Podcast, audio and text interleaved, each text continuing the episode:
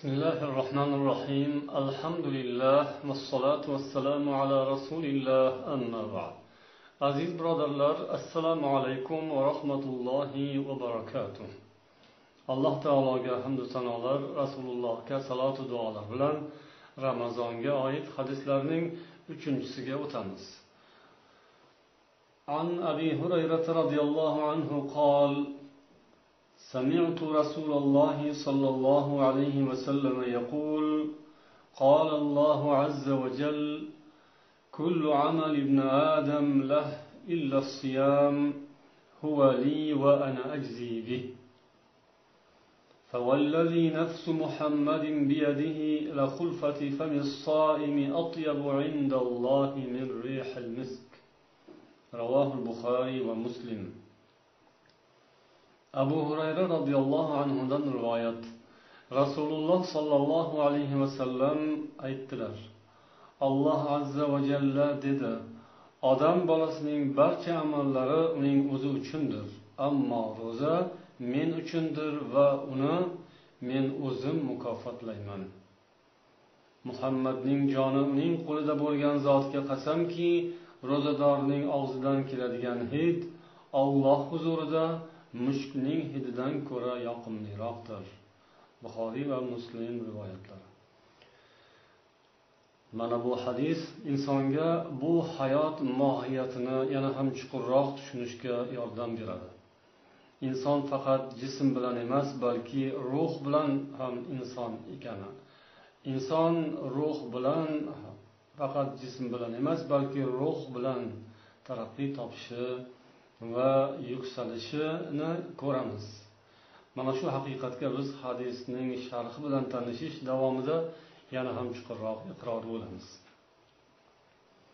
Hadisda rasululloh sollallohu alayhi vasallam xabar beryaptilarki kullu amal ibn adam lah. Ya'ni odam bolasining qilayotgan amallarining hammasi uning o'zi uchundir. Ya'ni buni rasululloh sollallohu alayhi vasallam alloh taolodan rivoyat qildilar. Olloh mana shunday deb aytdi.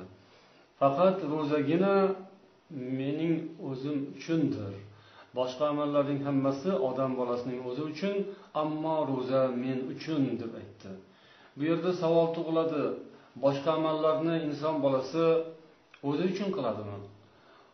Yo'q albatta olloh uchun qiladi. Hamma amallar olloh buyurgani uchun bajo qilinadi. Allohning roziligini topish uchun olloh va payg'ambarimiz bizga ko'rsatganlari uchun qilamiz. Ammo nima uchun? Ro'zani alloh taolo men uchun deb aytdi. Boshqa amallarni esa odam bolasi o'zi uchun deb aytdi.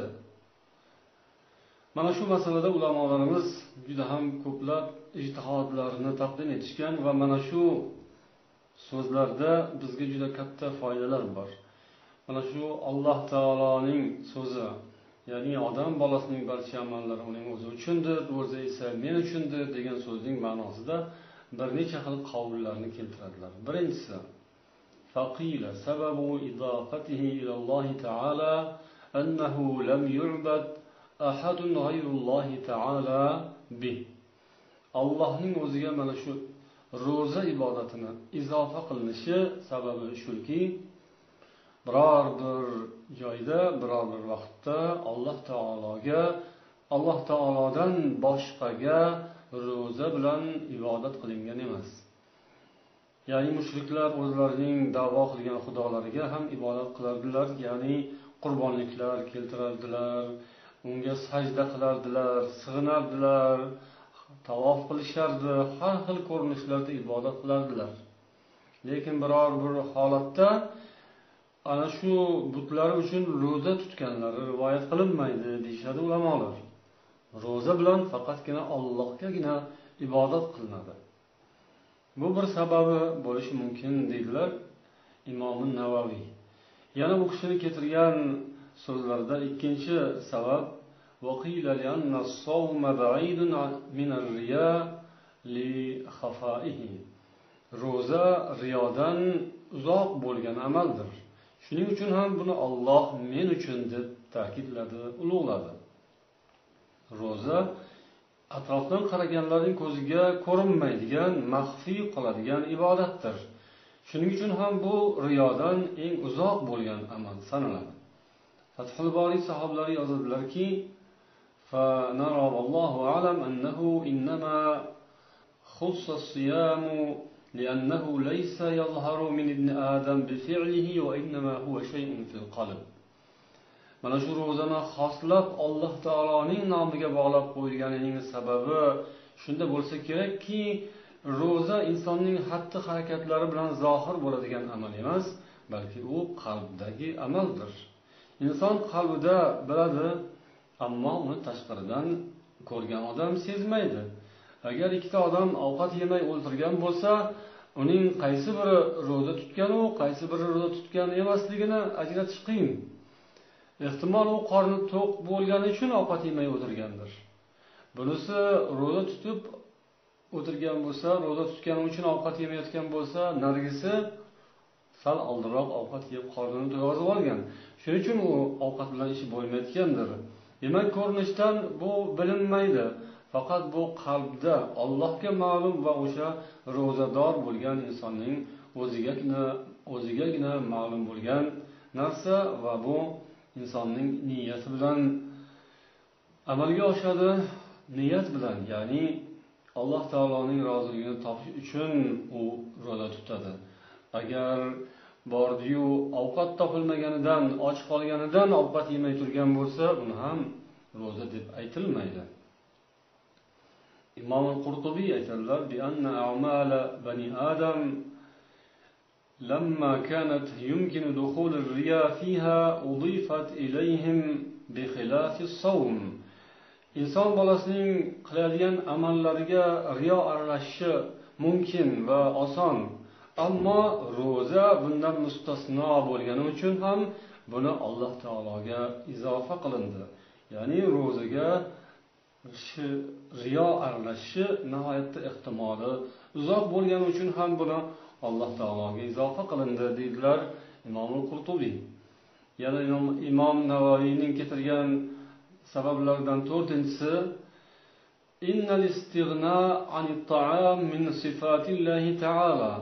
taomdan o'zini tiyib turish taomdan behojat bo'lish taom yemaslik yoki ichimlik ichmaslik bu alloh taoloning sifatlaridan biridir. Inson mana shunday ro'za paytida taomdan va ichimlikdan o'zini tiygan paytda u bir qadar alloh taoloning sifatiga o'xshagan bir holatda bo'lgan bo'ladi. Allohga hech bir narsa o'xshamaydi. Allohning sifatlari bilan inson sifatlari hech qachon bir biriga tamomila o'xshamaydi. Faqat bir jihatidan o'xshashi mumkindir. Insonning mana shu taomdan va ichimlikdan va shahvatdan tiyilib turishi alloh taoloda bo'lgan sifatlarni eslatadi va shunga o'xshab ketadi. Mana shu jihatdan ham alloh taoloni ro'za mening uchundir ro'za men uchundir degan so'zini mana shunday tushunish mumkin deydilar. Ya'ni insonlarning qilayotgan amallari ularning holatlariga muvofiq bo'ladi. Ro'za alloh taoloning sifatiga muvofiq bo'lgan amal. To'rtinchisi alloh taolo mana shu ro'zani va ana ajzi bihi deb ham ulug'ladi. Ya'ni bu ro'za men uchundir va buni men o'zim mukofotlayman dedi. Bu bilan alloh taolo ro'zaning savobini ajrini undan boshqa hech kim bilmasligini ma'lum qiladi deydilar. Ya'ni amallarning savobini ko'paytirib berilishida amallar o'ntagacha va yetti yuz barobargacha orttirib berilishi haqida rivoyatlar kelgan. Bu haqda ham imom qurtubiy aytadilar. Illa masha alloh. Alloh xohlagan darajagacha orttirib berishi mumkin. Illa siyam. Ammo ro'zanikini olloh o'zi biladi. Ro'zaga olloh taolo o'lchovsiz hadsiz hisobsiz sonsiz sanoqsiz savob berishi mumkin. Boshqa amallarning esa savoblarida o'lchov bo'ladi. Har bir amalga bir barobari o'zi barobarida ya'ni ixlosiga qarab u amalning e'tiboriga qarab alloh dargohida qay darajada maqbul bo'lganiga qarab alloh unga o'n barobar yoki yetti yuz barobar yoki undan ham ko'proq orttirib savob berishi mumkin. Ammo ro'zaga esa alloh taolo cheksiz savob berishi mumkin deydilar. Bu degan oyatga ham muvofiq keladi.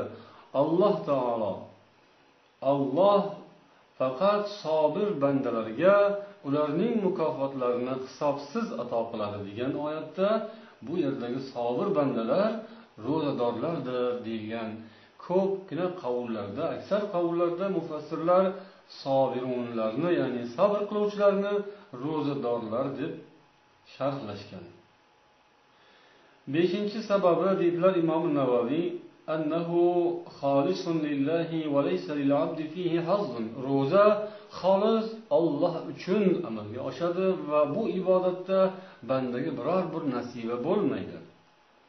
Boshqa ibodatlarda esa bu so'z al xattobiydan rivoyat qilingan. Boshqa ibodatlarda esa inson uchun ham qandaydir nasiba bo'lishi ehtimoli ko'p.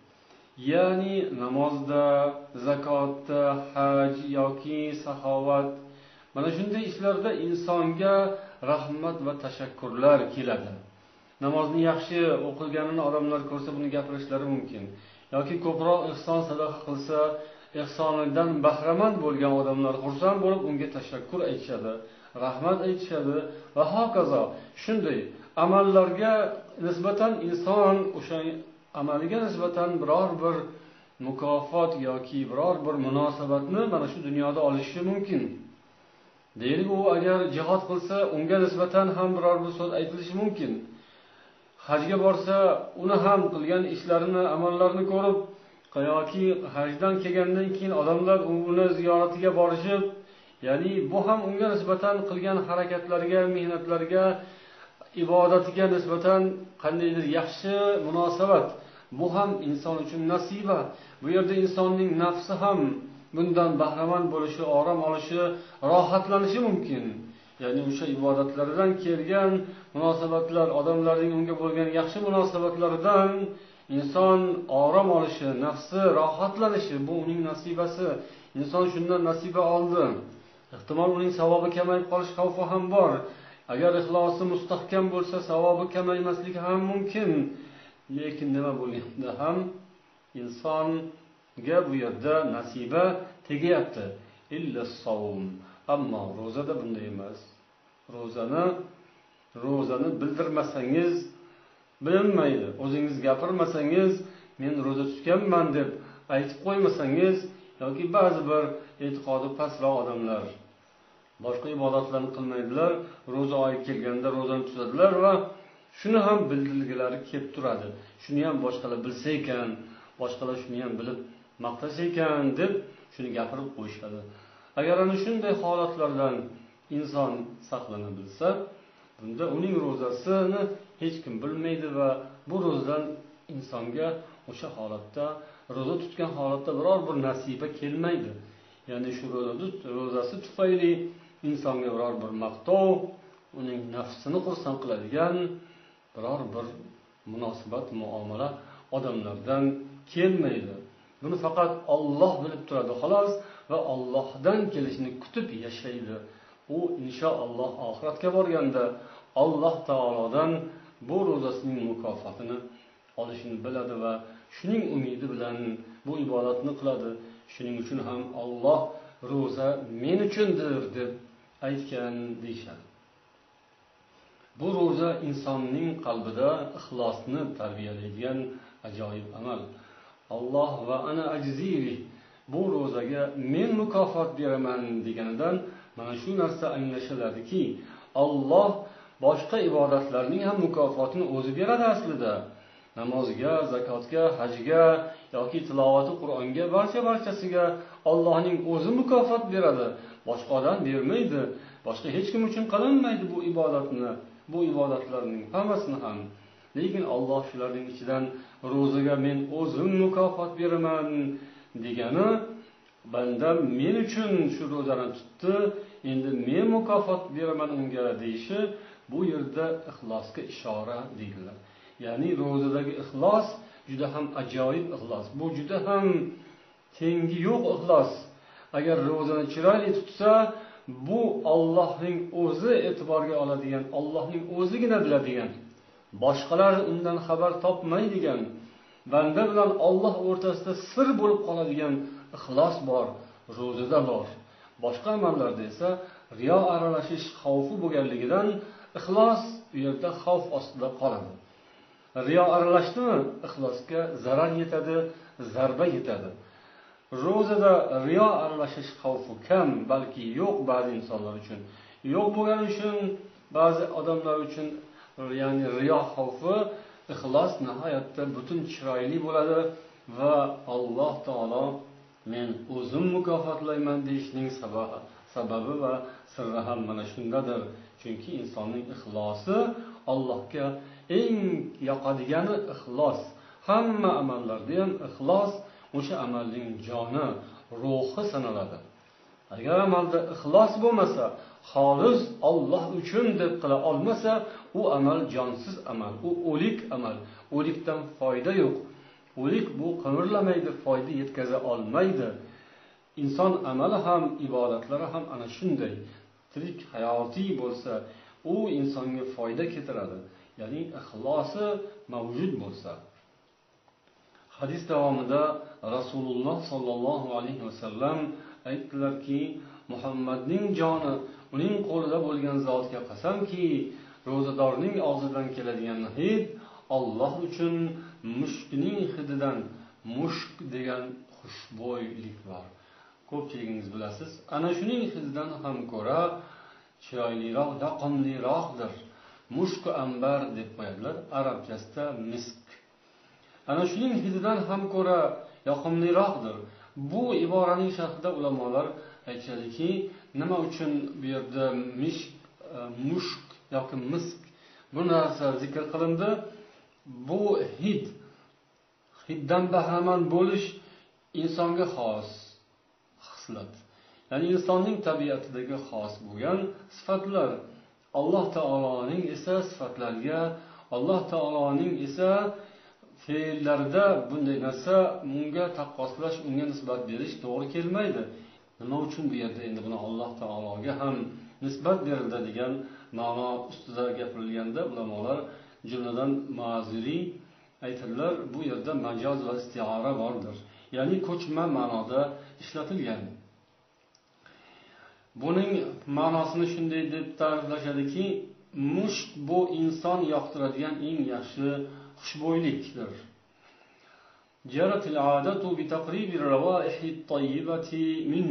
odatda mana shunday xushbo'yliklarni insonlarga yaqinlashtirib ta'riflash yoki taqdim etish odat bo'ladi.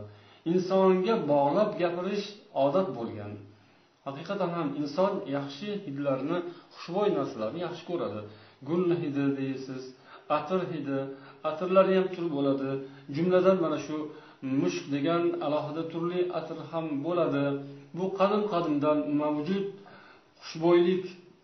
Bu inson uchun yoqadigan narsa. Xuddi shuning yonida deydilar ibn hajar